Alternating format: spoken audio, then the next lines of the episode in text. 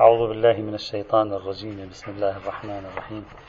الحمد لله رب العالمين وصلى الله على سيدنا ونبينا وحبيبنا محمد وعلى آله الطيبين الطاهرين.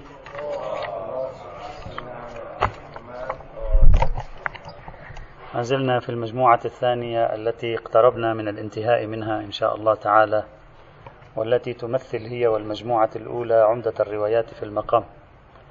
وصلنا إلى الرواية الثالثة عشرة وهي صحيحة البزنطي البزنطي يقول قال وقلت للرضا عليه السلام جعلت فداك إن بعض أصحابنا يقولون نسمع الأثر يحكى عنك وعن آبائك عليهم السلام فنقيس عليه ونعمل به فقال سبحان الله لا والله ما هذا من دين جعفر؟ هؤلاء قوم لا حاجة بهم إلينا. يعني هؤلاء استغنوا بالقياس عنا. لا حاجة بهم إلينا. قد خرجوا من طاعتنا وصاروا في موضعنا. فأين التقليد الذي كانوا يقلدون جعفرا وأبا جعفر عليهما السلام؟ قال جعفر لا تحملوا على القياس فليس من شيء يعدله القياس إلا والقياس يكسره. إلى آخر الحديث. طبعا الرواية هذه حيث الإسناد وردت في كتاب قرب الإسناد للحميري من حيث الإسناد هي رواية صحيحة ليس فيها أي مشكلة. طبعا بناء على ثبوت كتاب قرب الإسناد يعني ثبوت النسخة الواصلة إلى المحمدين الثلاثة المتأخرين لكتاب قرب الإسناد. يعني يوجد بعض القليل من العلماء مثلا مثل الشيخ آصف محسني يعتبر أن كتاب قرب الإسناد وصل بالوجادة أو بالوجادة وأنه ليس له سند معتبر. بل الشيخ آصف محسني يقول بأن السيد البروجردي يعتقد بأن كتاب قرب الإسناد وصل بالوجادة وبالتالي عثرنا على نسخة له في القرن العاشر أو الحادي عشر ولا نعرف طريقا له معتبرا يمكن الاعتماد عليه. هو حتى ينقل هذا عن السيد البروجردي حسب نقله. وهو تعرض لهذا الموضوع هم في كتاب مشرعة بحار الأنوار في الجزء الأول في المقدمة وهم أيضا في كتابه بحوث في علم الرجال. بصرف النظر عن موضوع نفس كتاب قرب الإسناد وهل نسخة الكتاب الواصلة إلينا أو الواصلة إلى المحمدين الثلاثة المتأخرين أي الفيض الكاشاني والعلامة المجلسي والحر العاملي هل هي نسخة معتبرة أو لا؟ بصرف النظر عن ذلك الرواية صحيحة الإسناد لا إشكال فيها. واضح من هذه الرواية أن المراد من القياس التشبيه لأنه يقول فنقيس عليه يعني نشبه نقيس عليهما معنى تقيس هذا على هذا أي تأخذه على قياسه أي على شبهه. واضح أن هذا هذه الفكرة جلية. وواضح أيضا أن هذا القياس يبدو أنه أنهم يرجعون إليه مستغنين عن الرجوع لأهل البيت. يعني يشير أيضا إلى الفرضية الخامسة. لاحظ ماذا يقول؟ هؤلاء قوم أي هؤلاء الذين يعملون بالقياس قوم لا حاجة بهم إلينا ولا ما يحتاجون إلينا استغنوا عنا فيطعن فيهم يغمز فيهم أنه لا يعني خلاص هم صاروا يعرفون القياس فهم يستنبطون ولا يرجعون إلى أهل البيت لا يأتون يسألون عن الأحكام الشرعية اعتمادا على أنه إذا لم يكن بيدهم رواية هم يعملون بالقياس فالإمام يندد بسلوكهم هذا. فالرواية هم تتعلق بالفرضية الثانية قياس الشبه قريبة جدا منه. وهم تتعلق بالفرضية الخامسة اللي هي تجاهل الحديث وعدم تقصي أثر الحديث والاعتماد على القياس آه، في مثل هذه الحال. بينما المطلوب منهم أن يقلدوا أهل البيت مطلوب منهم أن يرجعوا إلى أهل البيت عليهم السلام. وهذه الرواية توحي أن بعض الأصحاب أرجو التأمل فيها جيدا من الزاوية التاريخية. توحي أن بعض الأصحاب على ما يبدو فيما بعد الإمام الصادق والباقر بدأوا يتأثرون بالقياس. تعطي هذا الجو. يعني هؤلاء وين كانوا؟ كانوا في زمن جعفر الصادق يتبعونه يقلدونه. الآن بعد أن ذهب أبو جعفر وجعفر عليهما السلام هؤلاء بدأوا يذهبون للقياس بدأوا يستغنون عنا. مما يشير إلى أن النصف الثاني من القرن الثاني الهجري هو بداية في الداخل الشيعي للميل نحو اعتماد القياس في الجملة. وهذا هو الذي تؤيده المنقولات التاريخية التي قيلت إن هشام بن الحكم ويونس بن عبد الرحمن وكذا كان لديهم ميول قياسية. فإن هؤلاء يعيشون في هذه الفترة في الحقيقة لو لاحظنا الفترة الزمنية التي هم فيها.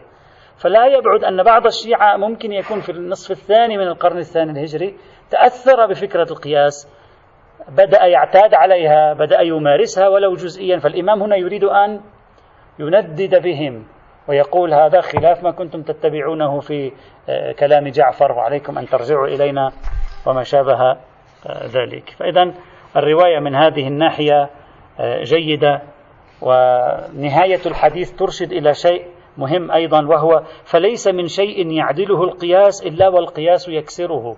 أشرنا إلى ذلك سابقا. يعني أنت كيف ما تركب قياس إلا تجد قياس آخر يمكن أن يكسره. فتقول ألف قريبة من باء جدا ثم يتبين أن ألف أقرب إلى جيم. فتكسر القياس الأول.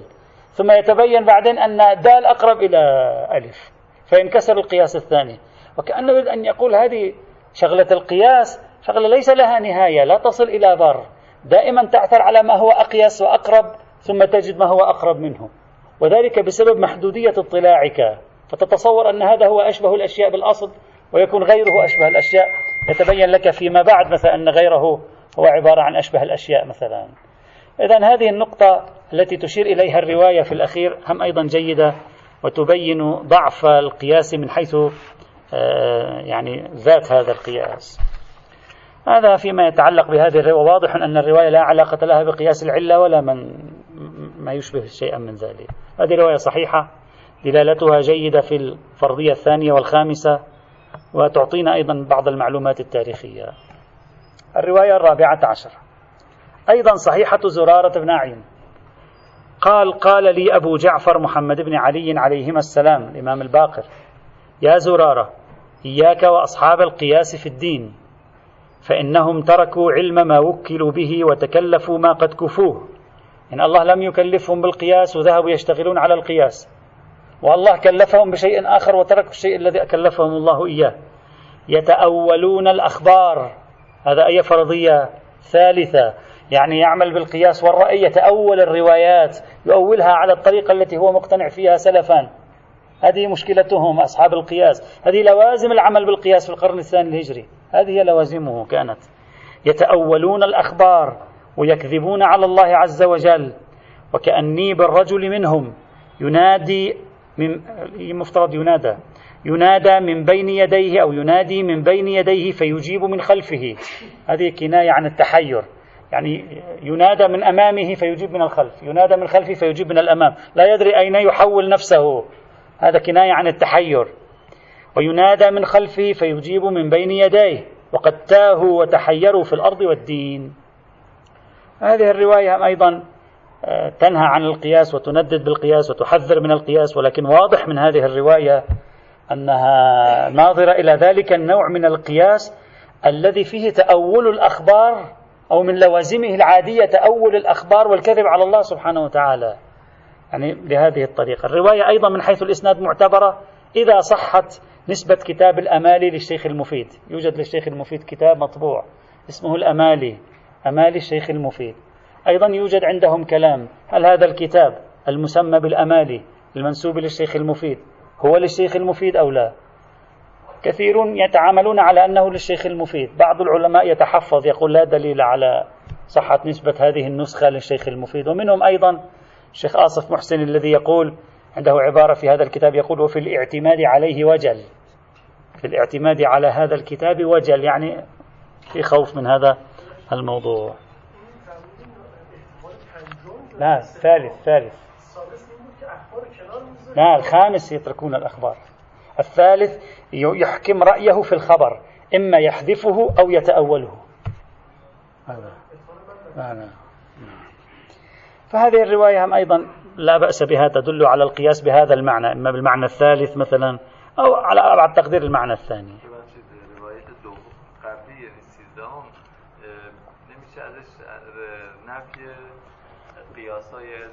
موارد دیگر استفاده کرد چون فرموده گویا اشاره داره که ریشه عدم اعتماد ما به قیاس معرفت شناسی یعنی بله أي قياس هو الذي معرفة شناسيش خرابة.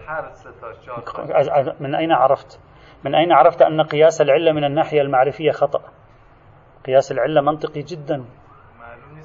ها إذا لا لا. معلوم ليس صحيح بشيء هذا هذا دليل آخر.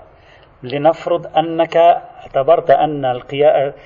قام عندك دليل لنفرض مثلا أنت الآن آه هذا القياس يمكنه أن ينتج هذه النتيجة. هل الرواية تنهى عنه أو لا؟ إذا القياس هو من أصل لا ينتج حتى لو لم تأتي هذه الرواية نتركه. نأخذ فرضيا الآن. الرواية الخامسة عشرة. مرسل بن أبي عمير عن غير واحد عن أبي عبد الله عليه السلام قال لعن الله أصحاب القياس فإنهم غيروا كلام الله وفي نسخة غيروا كتاب الله وسنة رسوله واتهموا الصادقين في دين الله عز وجل ماذا ماذا تلفتكم هذه الرواية؟ تلفت إلى المعنى الثالث يعني هؤلاء يحكمون القياس فيغيرون من كلام الله ويتهمون الراوي الصادق الذي يأتيهم بالسنة لأن هذا الذي يأتيهم به على خلاف رأيهم فالرواية جدا قريبة من الفرضية الثالثة وبالتالي أصلا لا علاقة لها لا بقياس العلة ولا بقياس الشبه. احتمالية أن لا يكون لها علاقة لا بقياس العلة ولا بقياس الشبه احتمالية عالية جدا فإن هؤلاء يغيرون كلام الله يغيرون السنة يتهمون الصادقين. وهذا هو طبع القائسين من النوع الثالث. أما طبع القائس من النوع الثاني ربما تكون ظهور هذه الكلمات في حقه عادة مثلا أقل أما من حيث الإسناد هذه الرواية بصرف النظر عن أنها واردة في كتاب أمال الشيخ المفيد وكذلك بصرف النظر عن موضوع الإرسال عند من لا يبني على مراسيل ابن أبي عمير حتى لو كانت عن غير واحدين. في السند يوجد شخصان محل نقاش بعضهم وثق هذين الشخصين بعضهم لم يوثقهما وهما شيخ الشيخ الصدوق محمد بن موسى بن المتوكل وكذلك محمد بن خالد البرقي. الرواية السادسة عشرة مرسل دعائم الإسلام عن أبي جعفر عن أبي جعفر محمد بن علي عليهما السلام عن أبي جعفر هكذا بالنسخة عن أبي جعفر بن محمد بن علي عليه السلام أنه ذكر له عن عبيدة السلماني. من هو عبيدة السلماني؟ عبيدة السلماني هو عبارة عن شخص أسلم عام فتح مكة. كان في اليمن عام فتح مكة عبيدة السل... عبيدة بن عمرو السلماني. عبيدة بن عمرو السلماني. أسلم يوم فتح مكة عام فتح مكة في اليمن لكنه لم يرى رسول الله صلى الله عليه وعلى آله وسلم. لذلك أهل السنة الذين يبنون على أن الصحابي هو الذي رأى رسول الله يقولون هو كان في عصر النبي ولكنه ليس بصحابي. هو متوفي سنة 72 للهجرة وقيل متوفي قبل ذلك أيضا. يعرف عن السلماني أنه يروي عن الإمام علي عليه السلام ويروي عن عبد الله بن مسعود يعني كان مقرب من الإمام علي يعني في هذا الفضاء كان. فلذلك ماذا يقول السائل؟ طبعا وهو معترف به يؤخذ بحديثه عند أهل السنة وعده البرقي في كتاب الرجال أنه من أولياء أمير المؤمنين عليه السلام. فالسلماني على أي حال ممدوح عند الجميع. لذلك السائل ماذا يقول؟ يقول أن عبيد السلماني نقل عنه أنه روى عن علي عليه السلام بيع أمهات الأولاد. يعني يجوز بيع أم ولد. أم الولد متشبثة بالحرية. أم الولد في الفقه متشبثة بالحرية.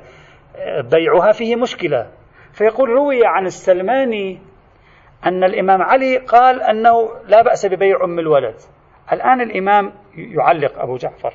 يقول قال أبو جعفر كذبوا على عبيدة أو كذب عبيدة على علي. عفوا كذبوا على عبيدة أو كذب عبيدة على علي. هل هذا التردد هل هو تردد من الإمام أو هو تردد من الراوي؟ لا نعرف. إذا كان تردد من الإمام وهذا معناه أن الإمام يعني لا لا يرى عبيدة يعني من الشخص الذي يوثق بقوله. يعني يضعه في دائرة التهمة على الأقل. لها دلالة عرفية. أنه يضعه في دائرة التهمة هو ممن يمكن أن يكذب على علي. أما إذا كان التردد من الراوي ولعله الأرجح خاصة بسائر الشواهد أن عبيد السلماني ممدوح فعلى أي حال يكون منزها. قال كذبوا على عبيدة أو كذب عبيدة على علي. إنما أراد القوم أن ينسبوا إليه الحكم بالقياس. يقول هذه الرواية تشير إلى أن أهل السنة لديهم محاولات أن ينسبوا للإمام علي أنه عمل بالقياس. وهذا موجود. يعني هذا ليس كلام افتراضي. هذا موجود في الكتب السنية يعني ولو على الأقل المتأخرة بعد هذا الزمن. موجود أن الإمام علي من الذين كانوا يعملون بالقياس. توجد روايات أيضا آه، ظاهرها عمل الإمام علي بالقياس خاصة يرويها البيهقي في كتبه الحديثية. يرويها البيهقي في كتبه الحديثية. فالإمام يقول أنهم كأنما هناك أشخاص في الفريق الآخر يريد أن ينسب القياس إلى الإمام علي أنه يعمل بالقياس. قال إنما أراد القوم أن ينسبوا إليه يعني إلى الإمام علي الحكم بالقياس ولا يثبت لهم هذا أبدا. يعني هذا لا يصح منهم لن يتوفقوا فيه أبدا غير صحيح. نحن أفراخ علي نحن أولاد علي. فما حدثناكم به عن علي فهو قوله وما أنكرناه فهو افتراء. فنحن نعلم ألآن يعطي الشهادة أن القياس ليس من دين علي. وإنما يقيس من لا يعلم الكتاب ولا السنة وعلي يعلم الكتاب والسنة. فلا تضلنكم روايتهم روايتهم وفي نسخة رواتهم فإنهم لا يدعون أن يضلوا إلى آخر الحديث. الرواية هنا واضحة مهمة أنه في محاولة لنسبة القياس الإمام علي يبدو تاريخيا يبدو في تلك الفترة في محاولة أنه كان يعمل بالقياس. والرواية تريد أن تنفي عن الإمام علي أنه كان يعمل بالقياس. وتعليلها جيد. لماذا يقول الذي يعمل بالقياس؟ هو ذلك الذي لا يعرف الكتاب والسنة. أما الذي يعرف الكتاب والسنة هذا شخص لا يعمل بالقياس. فكيف يعقل أن علي بن أبي طالب يمكن أن يكون قد عمل بالقياس؟ وهو أعلم الناس بالكتاب والسنة. تعليل يربط القضية بمعرفة الكتاب والسنة. ها وردنا عنه. نسبة الإمام الصادق قليل لكن نسبة لغيره كثير. يعني نسبة للإمام الحسن والحسين كثير. أقضية أمير المؤمنين وردت رواية الرواية المشهورة عن الإمام علي في الديات اللي هي من أكبر روايات الديات رواية ظريف موجودة اللي هي يعتمد عليها في كل كتاب الديات تقريبا موجود. لكن نسبة مثلا إمام زين العابدين صحيح. أكثر من إمام زين العابدين نسبة الحسن الحسين عليهم السلام أكثر نعم.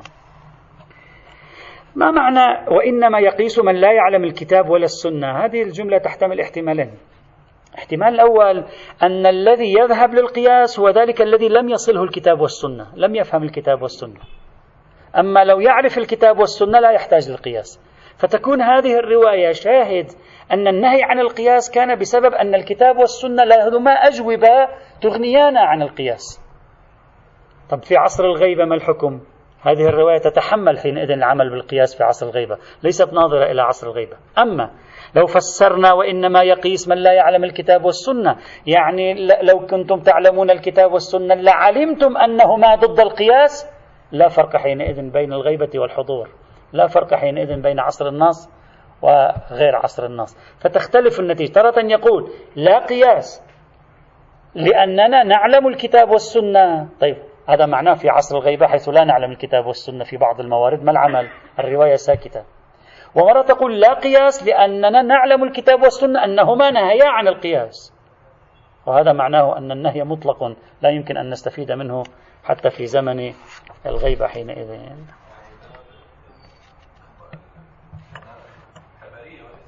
هو لذلك نحتمل فيها احتمالين. ماذا يريد أن يقول من وراء أن الإمام علي لا يعمل بالقياس؟ لأن الذي يعمل بالقياس هو ذاك الذي لا يعرف الكتاب والسنة. في احتمالين فيها. احتمال أن علي يعرف كل الكتاب والسنة والكتاب والسنة مستو... شاملان لكل شيء. فلا حاجة له للقياس فكيف تنسبون إليه العمل بالقياس؟ وفي احتمال أن علي الذي يعلم الكتاب والسنة يعلم أن القياس مرفوض فكيف يقوم بالقياس؟ في فرق بينهما. وعلى واحدة من النتيجتين تكون ناظرة الرواية إلى عصر الغيبة. على الثانية أصلا لا تكون ناظرة إلى عصر الغيبة. يعني شاملة أقصد, أقصد لعصر الغيبة. إلا أن هذه الرواية تفرد بنقلها الشيخ القاضي النعمان في كتاب دعائم الإسلام ولم يذكر لها سندا مع الأسف.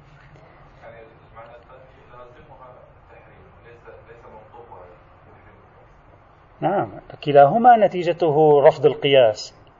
شفنا شيخنا أنا مرة أقول لك أنا لا أعمل بالقياس لأنني أعرف الكتاب والسنة لست بحاجة أعرف الأحكام كلها لماذا أعمل بالقياس؟ هذا معنى. مرة ثانية لا أعمل بالقياس لأنني أعرف الكتاب والسنة أنهما نهيا عن القياس. ففرق بينهما.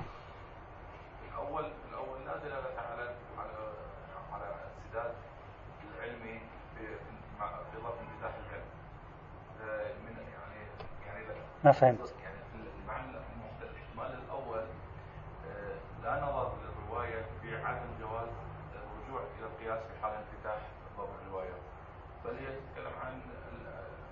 بالعكس هي لها نظر إلى النهي عن القياس في حال انفتاح الرواية. معنى الأول اللي هو الإمام علي مستغن عن القياس. يعلم بكل الأحكام الشرعية فلماذا يذهب إلى القياس؟ يعلمها من الكتاب والسنة فلماذا يذهب إلى القياس؟ فمعناه في ظرف الانفتاح لا معنى للقياس. لا مستغن عنه. يقيس لأجل ماذا؟ لأجل أن يثبت ما جاء في الكتاب والسنة لا فائدة. لأجل أن يثبت عكسه لا يجوز. النتيجة واضحة حينئذ تكون. هذا يريد أن يوصل. الرواية السابعة عشرة مرسل الكراجكي. وهو المعنى الثالث تقصدون؟ تحتمل. تحتمل أنه لأن النص متوفر لديه فالقياس مرفوض. لا يجوز له العمل بالقياس. إذا كان هذا فمعنى هذا المعنى الثالث. نعم. أما إذا كان يعطي المعنى الثاني أنه لا القياس مرفوض. يمكن يكون شامل لقياس الشبه أيضا مفتوح حينئذ. الرواية السابعة عشرة مرسل الكراجكي عن أمير المؤمنين عليه السلام قال إياكم والقياس في الأحكام فإنه أول من قاس الأحكام. ليس قد لا يكون مراد من الأحكام الشرعية قد يكون مراد من الأحكام القضاء مش الأحكام الشرعية. يعني إياكم والقياس في القضاء أحكام يعني الأحكام القضائية يعني. على أي حال محتمل هذا. إياكم والقياس في الأحكام فإنه أول من قاس إبليس. الرواية صارت واضحة بقرينة إبليس وتكلمنا أن إدخال إبليس على الخط يعطي إيحاء أن المراد بالقياس هو إعمال النظر في مقابل دليل كان قد قام من قبل وهو الحكم الإلهي. طبعا هذه الرواية أولا كراجكي رواها بلا سند في كتابه كنز الفوائد. كراجكي متوفي في أواسط القرن الخامس الهجري ويرويها عن الإمام علي. يعني بينه وبينه 400 سنة. هذا واحد. ثانيا أغلب الظن والعلم عند الله أن هذه الرواية نقل بالمعنى. يعني الكراجكي أخذ الفكرة اللي هي موجودة في الروايات السابقة عن الإمام علي. النهي عن العمل بالقياس ولأن إبليس قاس أخذ يعني خلاصتها وقال وروي عن علي كذا هو في مقام بحث فقهي ليس كتاب رواية هو. وروي عن علي كذا وكذا فقد لا تكون أصلا رواية جديدة. لا يعلم أنها رواية في عرض الروايات السابقة وإنما تكون مشتقة من إحدى فقرات إحدى الروايات السابقة عن الإمام علي عليه السلام. قل إياكم والقياس في الأحكام. كلمة الأحكام قديما تطلق ويراد من الحكم يعني القضاء وليس الأحكام الشرعية. لا في الشرع قد يقول أقول تحتمل أن يريد ذلك. خاصة الإمام علي يعني نعم فيما كأنما يوجه القضاة في احتمال. أيضا الرواية الثامنة عشرة مرسل آخر للكراجكي أيضا. قال قال الصادق جعفر بن محمد عليهما السلام إياكم وتقحم المهالك باتباع الهوى والمقاييس. قد جعل الله تعالى للقرآن أهلا أغناكم عن جميع الخلائق. يعني القياس لا حاجة لكم إليه لماذا؟ لأن موجود عندكم من يجيبكم عن الحكم الشرعي. ليش تروح القياس؟ نعم تقحم المهالك باتباع الهوى والمقاييس. قد جعل الله تعالى للقرآن أهلا أغناكم عن جميع الخلائق. لا علم إلا ما أمروا به. قال الله تعالى فاسألوا أهل الذكر إن كنتم لا تعلمون. إيانا عنا. بعدين القراجكي أكمل. قال وروي عن سلمان الفارسي رحمه الله أنه قال ما هلكت أمة حتى قاست في دينها. وكان ابن مسعود يقول هلك القائسون. هذا هو يضيف أن ليس فقط الإمام علي قال حتى سلمان وابن مسعود أيضا لديهم كلام في هذا الدلالة صارت واضحة خاصة تشير إلى القياس في ظرف الاستغناء عن الرجوع إلى المصادر. يقول لكم أغناكم الله بأهل البيت ليش تروح إلى القياس؟ تعال اسأل. واضح أنها أيضا تتكلم عن القياس في ظرف الانفتاح لا في ظرف الانسداد.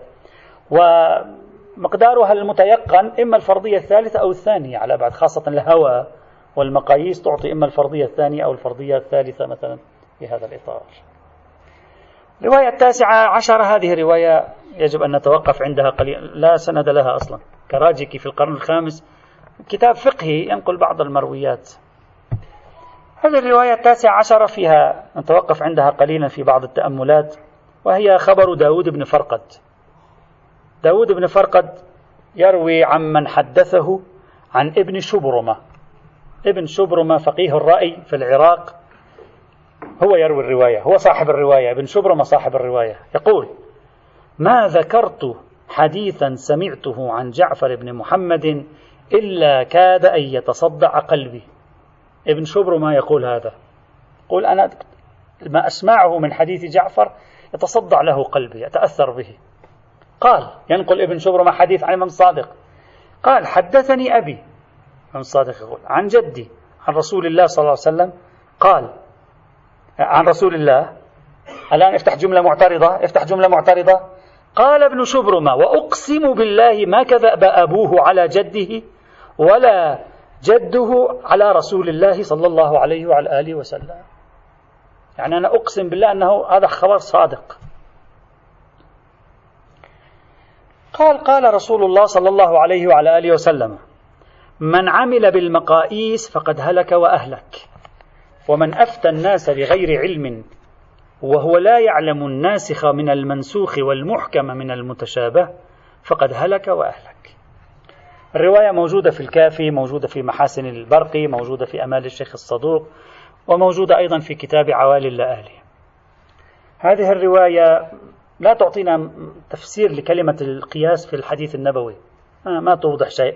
مفتوحة على احتمالات ممكن احتمال الثاني الثالث. مفتوح أول شيء أريد أن أتوقف آه، قليلا هنا عند سند الرواية ثم بعد ذلك أتوقف عند متن الرواية. عند سند الرواية هذا الحديث الكليني. قلنا أربع أشخاص رووا هذا الحديث. اترك عوالي اللآلي عوالي اللآلي ما في شيء مرسل. ثلاثة مصادر روت الحديث العمدة. الكليني والبرقي رووا هذا الحديث مرسل هكذا. داود بن ف... عن داود بن فرقد عمن حدثه عن ابن شبرمة. حديث مرسل. الشيخ الصدوق وهو المصدر الثالث في أماليه ينقل الحديث بنفس السند. بنفس السند. لكن يقول عن داود بن فرقد عن ابن شبرمة. يحذف عمن ذكره. إذا أنا عندي نفس السند منقول بشكلين في الكتب الحديثية. الشكل الأول مرسل في محاسن البرقي وكافي الكليني والشكل الثاني مسند ممتاز في أمال الشيخ الصدوق. هنا ماذا نفعل؟ إما أن نرج... إن لم نقل بأننا نرجح الكليني والبرقي فإنهما أدق من الصدوق خاصة في مثل كتاب الأمالي دون كتاب من لا يحضر الفقيه خاصة في مثل هذه الكتب. إن لم نرجح ما ذكره اجتماعهما يعني كل واحد منهما له سند مش أن الكليني ينقل عن البرقها أبدا. الكليني له سند إلى داود. والبرقهم له سند إلى داود وكلاهما يشتركان في أن داود قال عمن حدثه. فإن لم نرجح اثنين مقابل واحد خاصة مع علم, مع علم من دقة الكلين واجتماع شخصين فلا أقل أن السند يكون متردد. لا نعرف. هل داود بن فرقد روى الرواية مرتين؟ مرة هو سمعها مباشرة من ابن شبرمة ومرة سمعها عن شخص لا نعرفه محتمل. هل أحد الرواة أخطأ فزاد كلمة عمن حدثه. هل أحد الرواة أخطأ فنقص الكلمة؟ هل في مشكلة نسخة؟ كل شيء وارد. إذا لا أحرز اتصال السند حينئذ في مثل هذه الحال. هذا مضافا إلى نعم نعم نعم.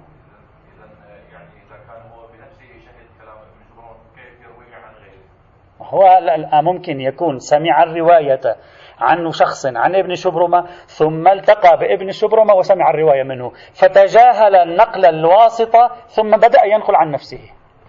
احتمالات. ما عندي دليل. كل مح... وممكن يكون حصل خطأ. لعله الأرجح في تقديري يكون حصل خطأ. ففي مثل هذه الحالة أستطيع التأكد من سلامة السند. وبالتالي الرواية مشكلة مضافا إلى وقوع محمد بن عيسى عن يونس في السند. إحنا قلنا سابقا محمد بن عيسى بن عبيد ثقة يونس هم ثقة لكن رواية محمد بن عيسى عن يونس فيها مشكلة وفيها شبهة إرسال بحثناها مرارا لا نطيل. هذا أولا. إذا من حيث الإسناد الرواية فيها مشكلة صغيرة. المشكلة الثانية أنا شو يعني بصراحة جلست أتأمل في هذه الرواية. قلت يا أخي هذا ابن شبرم فقيه الرأي.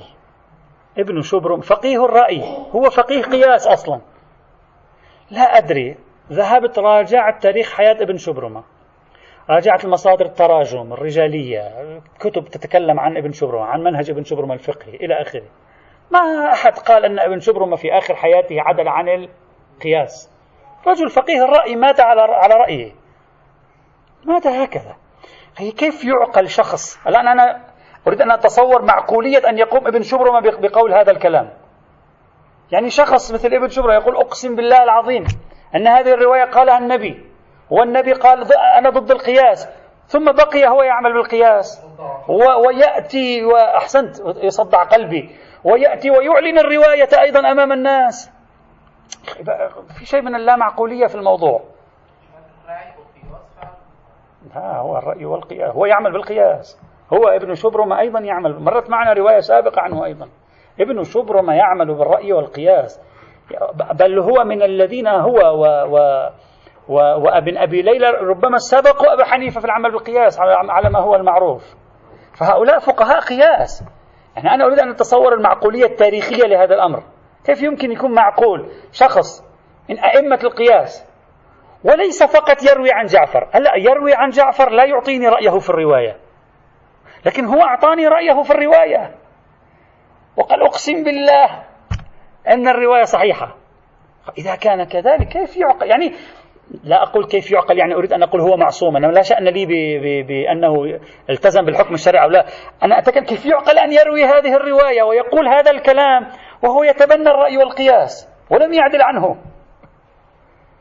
ما تفسيره لهذه الرواية حينئذ؟ لا أدري. إلا إذا كان ابن شبرمة يفهم هذه الرواية بمعنى معين للقياس وهو يعمل بمعنى آخر القياس ما في إلا هذا الحل لرفع الاستغراب عن هذه الرواية. يكون فهم من القياس القياس اللي هو مواجهة النص أما هو يعمل بالقياس اللي هو بمعنى قياس الشبه فترتفع الإشكالية. إذا هذه أيضا نقطة لا بد من آه، يعني ملاحظتها في المقام. على أي حال الرواية العشرون.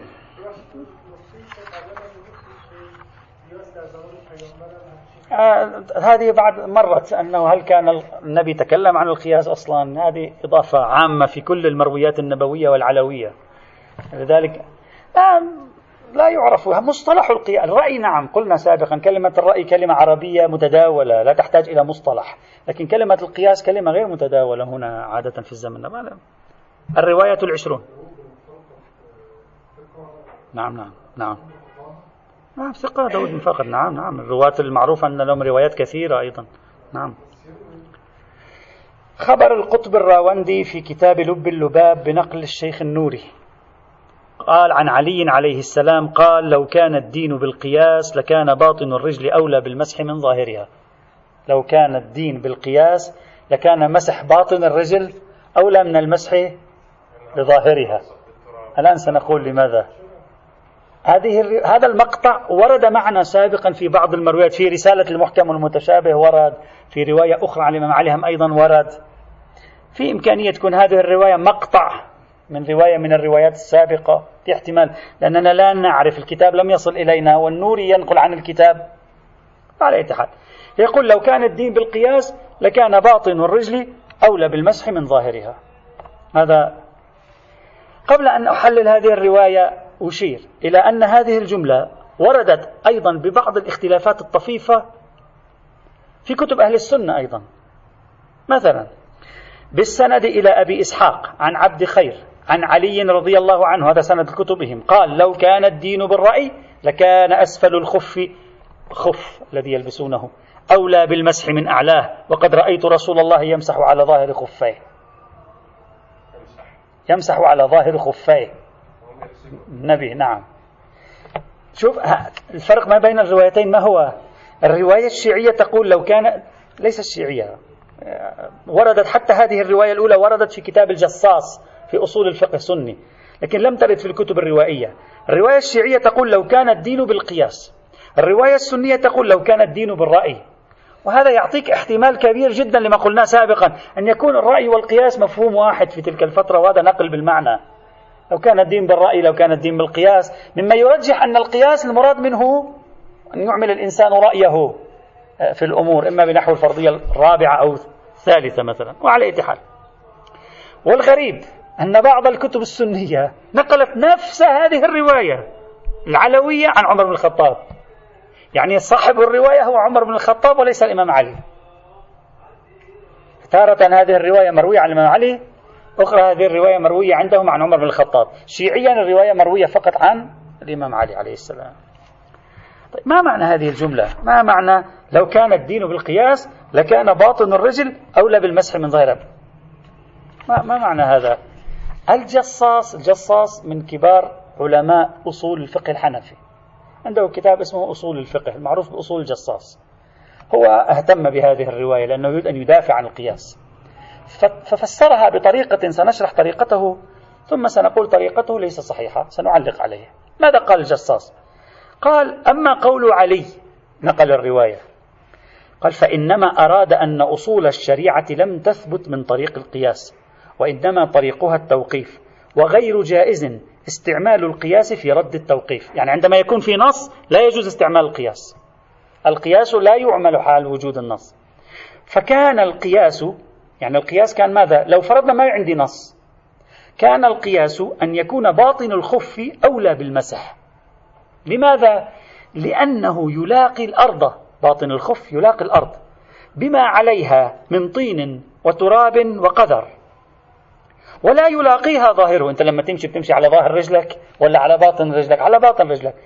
ففهم هو نكتة المسألة هو هذا فقيه من القرن الخامس الهجري رابع خامس الهجري يعني هذا في ذهنه أي قياس؟ قياس العلة. الآن هو يستنتج قياس العلة. قال لماذا المسح على على القدمين؟ للتنظيف. فإذا كان المسح على القدمين للتنظيف فلماذا لا؟ كان الأولى أن يمسح الإنسان باطن القدمين. فإنها الأولى أن تنظف إذ هي الأقرب إلى الاتساخ. فأخذ قياس العلة طبقه الجصاص. ولذلك قال القياس هنا قياس ماذا؟ قياس أولوية. إمام علي يقول قياس أولوية. أولى بكذا. يعني قياس أولوية هنا. فالجصاص هكذا فهم. قال علة الحكم في المسح التنظيف وهذه العلة أكثر حضورا في باطن القدم منها في ظاهر القدم. فيفترض أن يكون الأولى أن نمسح باطن القدم لا ظاهر القدم. يكمل يقول. يقول إلا أنه لم يستعمل القياس الإمام علي لم يستعمل. كان بده يستعمل القياس الإمام علي. كان يعني هكذا. أنا أشبهه بطريقة دراما يعني. كان يريد أن يستعمل القياس لكن له رأى رسول الله صلى الله عليه وعلى آله وسلم يمسح ظاهر الخف دون باطنه دون باطنه فهذا يدل على أنه كان مراده نفي القياس مع النص. يعني حاصل فكرة الجصاص أن الإمام علي مشكلته مع هذا القياس ليس أن القياس باطل. لا القياس لا مش باطل. مشكلة الإمام علي مع هذا القياس أنه هو يقول رأيت رسول الله. يعني في الرواية السنية موجود رأيت رسول الله. ولولا أنه رأى رسول الله لعمل بالقياس لكن لأنه رأى رسول الله لا مجال للقياس لا مجال للقياس مع النص ففسر الجصاص الرواية على أنها بالفرضية الثالثة يعني العمل بالقياس في مقابل النص. وهذا باطل. يقول لك أنا حتى أنا حنفي ولا أؤمن به. لا أؤمن بالعمل بالقياس في مقابل النص. هذا باطل عندنا. فالرواية لا تنهى عن القياس. هكذا فسرها. لا تنهى عن القياس في مورد القياس. ما هو مورد القياس؟ عدم النص إلا أن كلام الجصاص غير دقيق أبدا. لأن الرواية لاحظوا الرواية السنية. لم تقل لا قياس في المسح لأنني رأيت الرسول يفعل كذا وكذا. ما في هكذا في الرواية. ما قال لا قياس في كذا لأنني رأيت الرسول. تعليل نفي القياس برؤية النبي حتى نقول في ربط ما بين ترك القياس وبين رؤية النبي. ما في هكذا. بل يقول الإمام علي شيء أعمق من ذلك. يقول لو صح القياس لكان يفترض أن نمسح الباطن. وحيث رأيت النبي يمسح الظاهر إذا القياس هو باطل لا يوصل للحقيقة آه. قياس هو في ذاته عملية باطلة لا توصل للحقيقة. يعني مثل أنا أشكل عليك أقول لك لو صح كلامك للازم أن يكون هناك شخص مثلا على السطح. ولا يوجد شخص على السطح. إذا كلامك باطل. لا كلامك باطل في ظرف عدم وجود أحد على السطح. يعني كلامك من الأول باطل. فالرواية تريد أن تنسف القيمة المعرفية للقياس. تقول ليس مصيب للواقع. ليس مضمونا إصابته للواقع. لا تريد أن تقول في ظرف وجود النبي ورؤية النبي لا معنى للقياس. أما في غير وجود النبي نعم يجوز لنا القياس. لا بالعكس أن تقول القياس كله باطل. هذا المثال. ممكن آلاف الأمثلة نعم. وأي مثال آخر يمكن أن يكون في مثل هذه الحال. فتفسير الجصاص أن المراد من النهي عن القياس هنا هو عبارة عن قياس في مقابل النص لا قياس العلة غير صحيحين. الرواية ظاهرها بطلان القياس في ذاته صرف النظر عن وجود نص أو عدم وجود نص. هلأ ما هو المراد بالقياس هنا؟ هل هو قياس الشبه أو قياس العلة؟ يحتمل الاثنين. يعني ممكن الواحد يقول ظاهر القدم باطن القدم مثلا متشابهين. وإن كانت الرواية أقرب إلى قياس العلة لأنها تستخدم كلمة الأولوية. تستخدم كلمة الأولوية والتشابه التشابه بين ظاهر القدم وباطن القدم لا لا يفسر لي الأولوية. لابد أن أذهب نحو العلة اللي هي التنظيف كما ذهب الجصاص نفسه. فتكون الرواية قريبة جدا من النهي حتى عن قياس العلة. وقريبة جدا من النهي عن قياس الأولوية أيضا. مثل رواية أبان بن تغلب لذلك هذه الرواية يستفيد منها من؟ يستفيد منها الإخباريون عادة. هذه الرواية. لا بأس الخف غير. الخف الخسر القدم الخف هذا. وعلى أي حال فهذه الرواية آه، مع الأسف الشديد شيعيا بلا يعني مرسلة جدا يصعب الاعتماد عليها لكنها في المصادر السنية صحيحة الإسناد على مباني أهل السنة. الرواية العلوية. الرواية العلوية صحيحة الإسناد عند أهل السنة ضعيفة الإسناد عند في الطرق الشيعية. لا في عندنا روايات. مثلا النهي عن الرأي مر معنا. مجموعة روايات سنية أيضا تنهى عن الرأي. مجموعة ليس كلهم. خصوم أبو حني... أبي حنيفة كانوا أيضا موجودين في الوسط السني. لم يكونوا شيعة فقط. خصوم أبي حنيفة شيعة وسنة. الرواية الواحدة والعشرون. مرسل دعائم الإسلام أيضا. عن الإمام الصادق عليه السلام قال لبعض أصحابه إياك وخصلتين مهلكتين تفتي الناس برأيك وتدين بما لا تعلم. إن أول من قاس إبليس وإن أول من سن لهذه الأمة القياس لمعروف. في الوسائل وفي جامع أحاديث الشيعة هكذا نقلوا الرواية. وإن أول من سن لهذه الأمة القياس المعروف. يعني ذلك الشخص المعروف. لكن في النسخة المطبوعة لكتاب الدعائم هكذا. وإن أول من سن لهذه الأمة القياس لمعروف يعني شخص معروف. لمن هو هذا؟ لا أدري. هل يقصد عمر بن الخطاب؟ هل يقصد أبو حنيفة؟ هل يقصد ابن أبي ليلى؟ هل يقصد أحد آخر؟ لا ندري. لكن هو يقول معروف فينبغي أن نذهب إلى أكمل الأفراد في معروفية العكس في معروفية النقص. هكذا. الرواية صارت واضحة بقرينة دخول إبليس على الخط. لا حاجة للبحث فيها كثيرا ولا سند لها. رواية ثانية والعشرون هذه رواية لطيفة. أيضا حوار بين الإمام هذه الحوارات بين الإمام الصادق. أبو حنيفة حيرتني. يعني ما معقول شخصين يتحاوروا نفس الحوار عشر مرات؟ ما معقول يا أخي. كان قال لو قلت لي المرة الماضية خلاص. تكلمنا في الموضوع. كل مرة تعطيني نفس الإشكالات. يعني ما معقول. هذه قصة الحوارات أنا في تقديري حصل حوار. على أرجح الاحتمالات حصل حوار بعدين الرواة إما يختلقون سند ثاني أو يدخلون الحوار في داخل رواية ثالثة ما لها علاقة بالموضوع. هكذا أرجح. هنا أيضا أرجح وسآتي بقرينة على هذا الترجيح. الرواية ماذا تقول؟ وهي خبر محمد بن مسلم. قال دخل أبو حنيفة على أبي عبد الله. فقال له إني رأيت ابنك موسى يصلي. موسى الكاظم عليه السلام يصلي. والناس يمرون بين يديه فلا ينهاهم. تعرف أهل السنة؟ هذا إذا الإخوان أغلبنا يعني على هذه الإخوة الإيرانيين يمكن أقل مننا لكن أغلبنا يرى يعني نعيش مع أهل السنة. فإذا يعني يمر واحد من أمامه كارثة هذه. احتمال هم يصفعك في بعض الأماكن. ممنوع تمر من أمامه. نعم مشكلة كبيرة.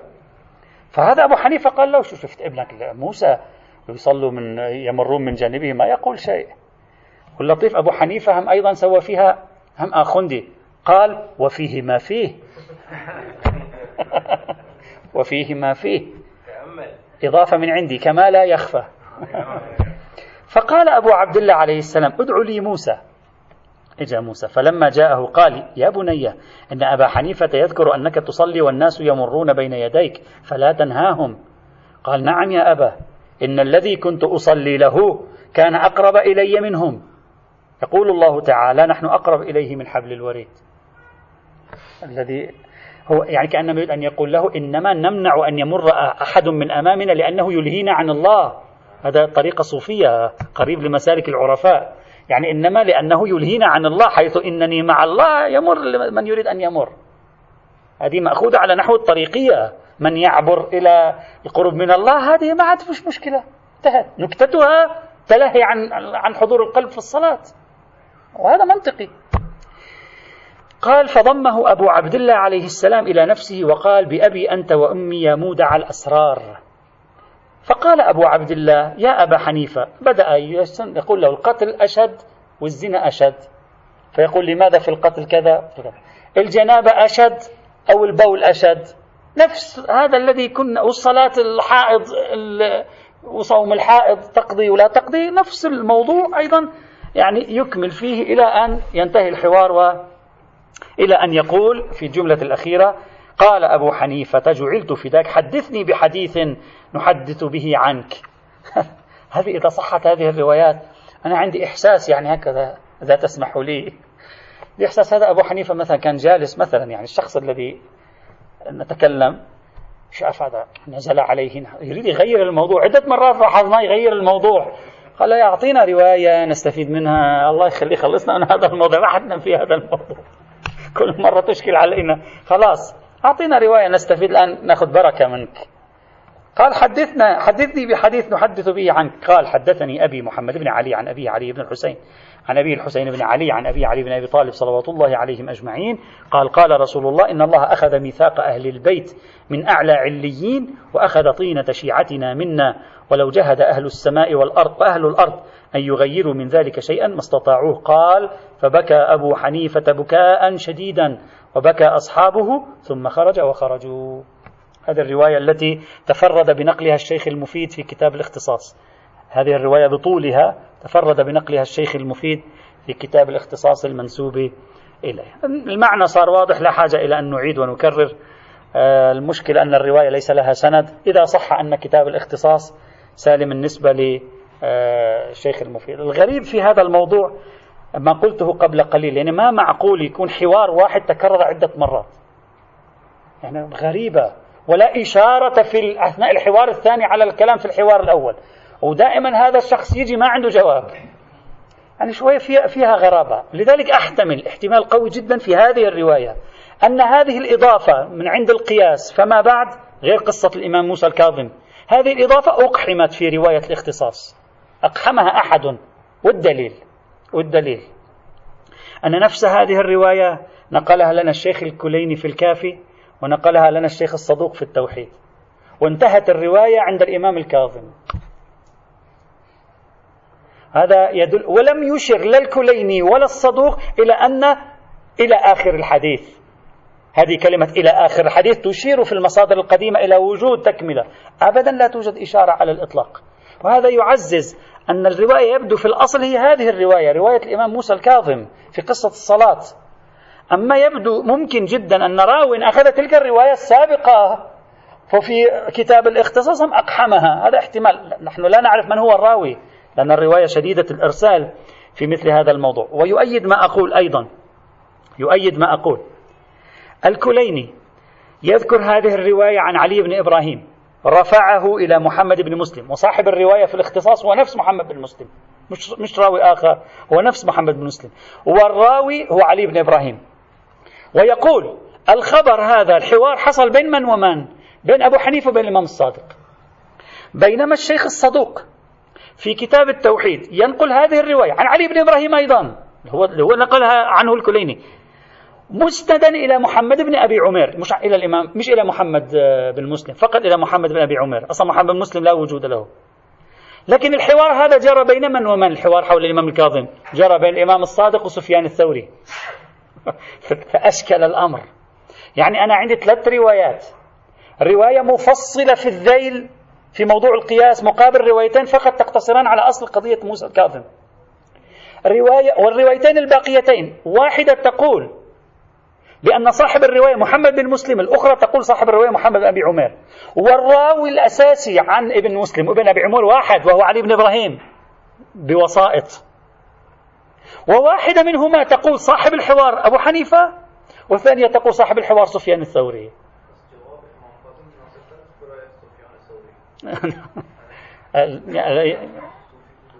آه نعم ممكن ممكن. آه نعم.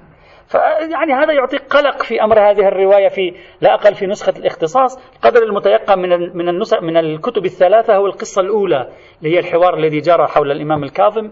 أما الباقي فغالب الظن أنه أقحم في هذه القصة ولا علاقة له بها لأن الموضوع جديد أصلا. أصلا الإمام هكذا بدون أي مناسبة يقول له وما هو رأيك في القتل؟ شاهد بدون أي مناسبة تأتي هذه الإضافة أحتمل والعلم عند الله يكون في شيء من هذا القبيل. إن شاء الله نحاول غدا إذا وفقنا غدا وبعد غد ننتهي من هذه المجموعة ونستعرض رواية أبان بن تغلب أيضا غدا ولننتقل للمجموعة اللاحقة والحمد لله رب العالمين.